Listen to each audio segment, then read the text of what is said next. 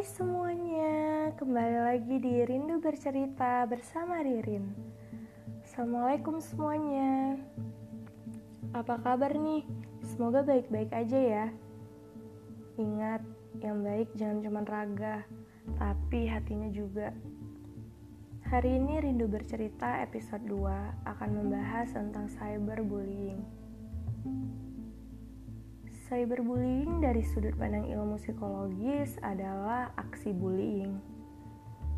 Tetapi, jika dari sudut pandang ilmu hukum, cyberbullying adalah kejahatan yang dilakukan secara sengaja dalam bentuk fitnah, cemooh, kata-kata kasar, pelecehan, ancaman, dan hinaan. Cyberbullying ini menjadi fenomena baru terutama di kalangan remaja. Cyberbullying lebih kejam dibandingkan bullying, karena cyberbullying meninggalkan jejak digital seperti foto, video, dan tulisan. Dampak dari cyberbullying juga tergolong dahsyat karena mampu mengguncang psikologi seseorang. Seperti yang kita ketahui, intimidasi, pencemaran nama baik, mengganggu, menyerang, tidak sopan, menghina, kekerasan, kejahatan, ancaman, dan bahkan menyakiti. Bentuk kejahatan ini bermula dari perilaku merendahkan martabat dan mengintimidasi orang lain melalui dunia maya. Tujuannya ya nggak lain agar korban mengalami gangguan psikis.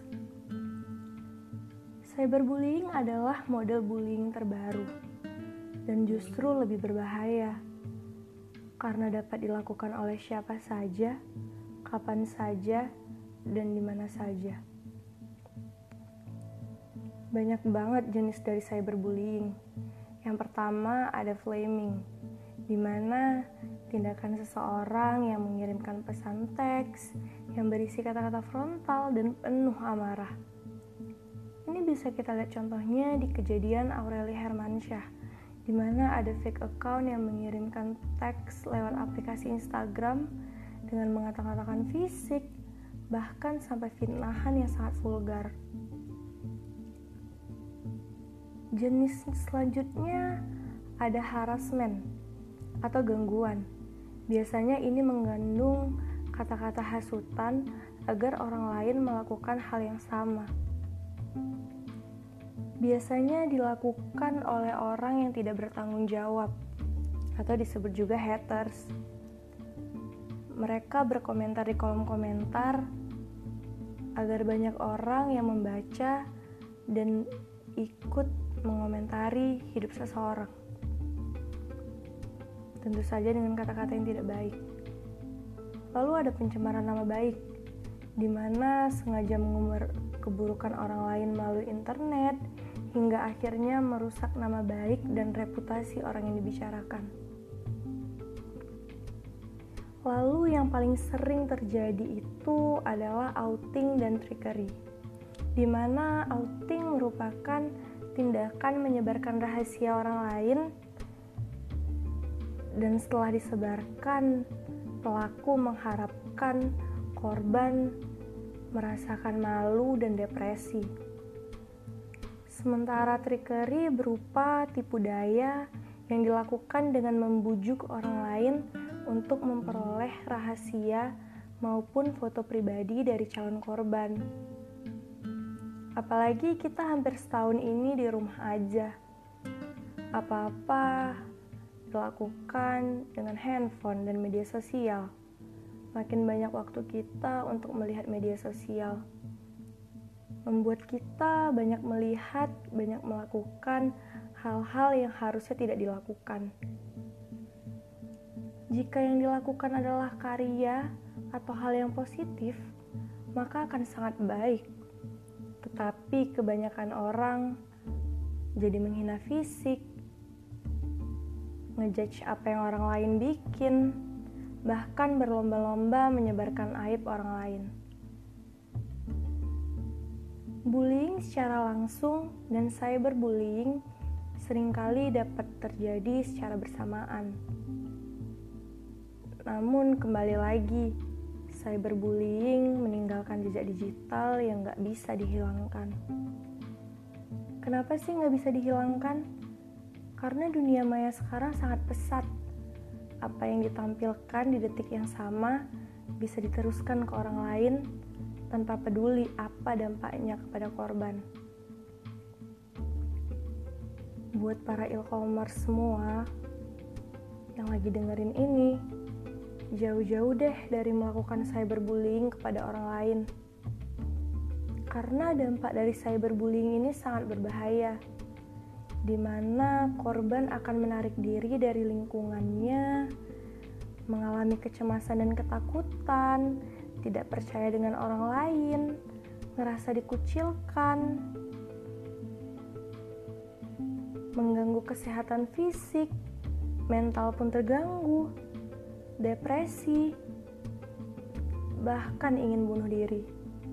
Karena hal ini membuat orang sekitar turut menyerang korban dalam kehidupan nyata.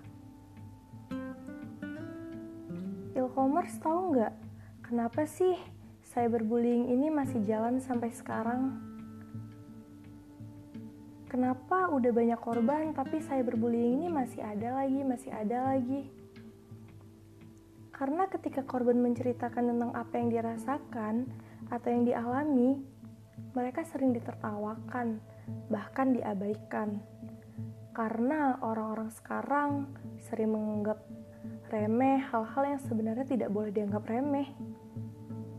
Hal-hal yang bisa menyebabkan seseorang mengakhiri nyawanya sendiri.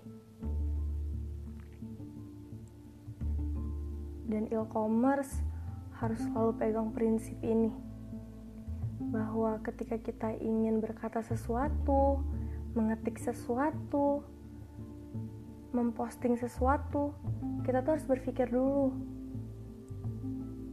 Berdampak nggak ya? Baik nggak ya? Oh iya, jika kalian pendengar ini adalah salah satu korban, dan kalian gak berani untuk melaporkan hal ini ke pihak yang berwajib, maka cara terbaik adalah bercerita kepada orang yang kau percaya. Seperti orang tua kamu, keluarga, saudara, atau orang yang lebih dewasa dari kamu dan orang-orang yang terdekat dengan kamu. Karena jika kamu mengalami bullying, hal yang paling utama adalah kamu harus merasa aman. Jangan pernah takut bercerita. Jangan pernah takut mengungkapkan apa yang kamu rasakan. Tapi tetap ceritalah dengan orang yang kamu anggap benar-benar bisa mendengarkan kamu. Lalu yang paling penting, jika kamu terkena cyberbullying, kamu bisa membatasi akun kamu, memprivasikan akun kamu, mute orang-orang yang bakal bikin kamu down, bahkan memblokir orang-orang yang membuli kamu. Tapi jika yang dengar ini mempunyai teman yang terkena cyberbullying, please jangan ditinggalkan.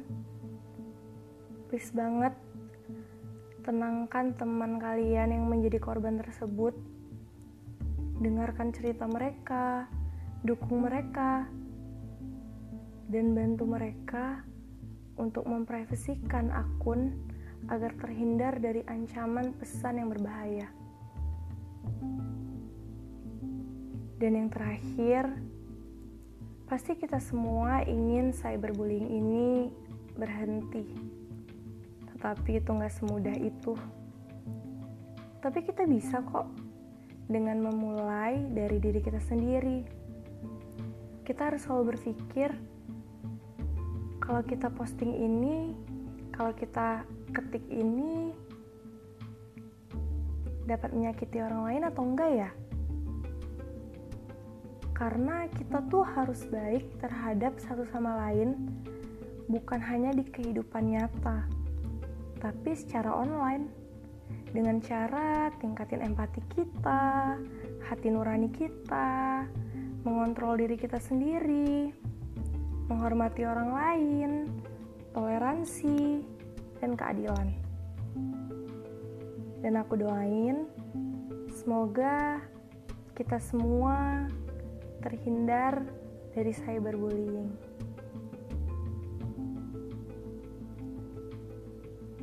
Assalamualaikum warahmatullahi wabarakatuh. Sampai jumpa di Rindu Bercerita selanjutnya.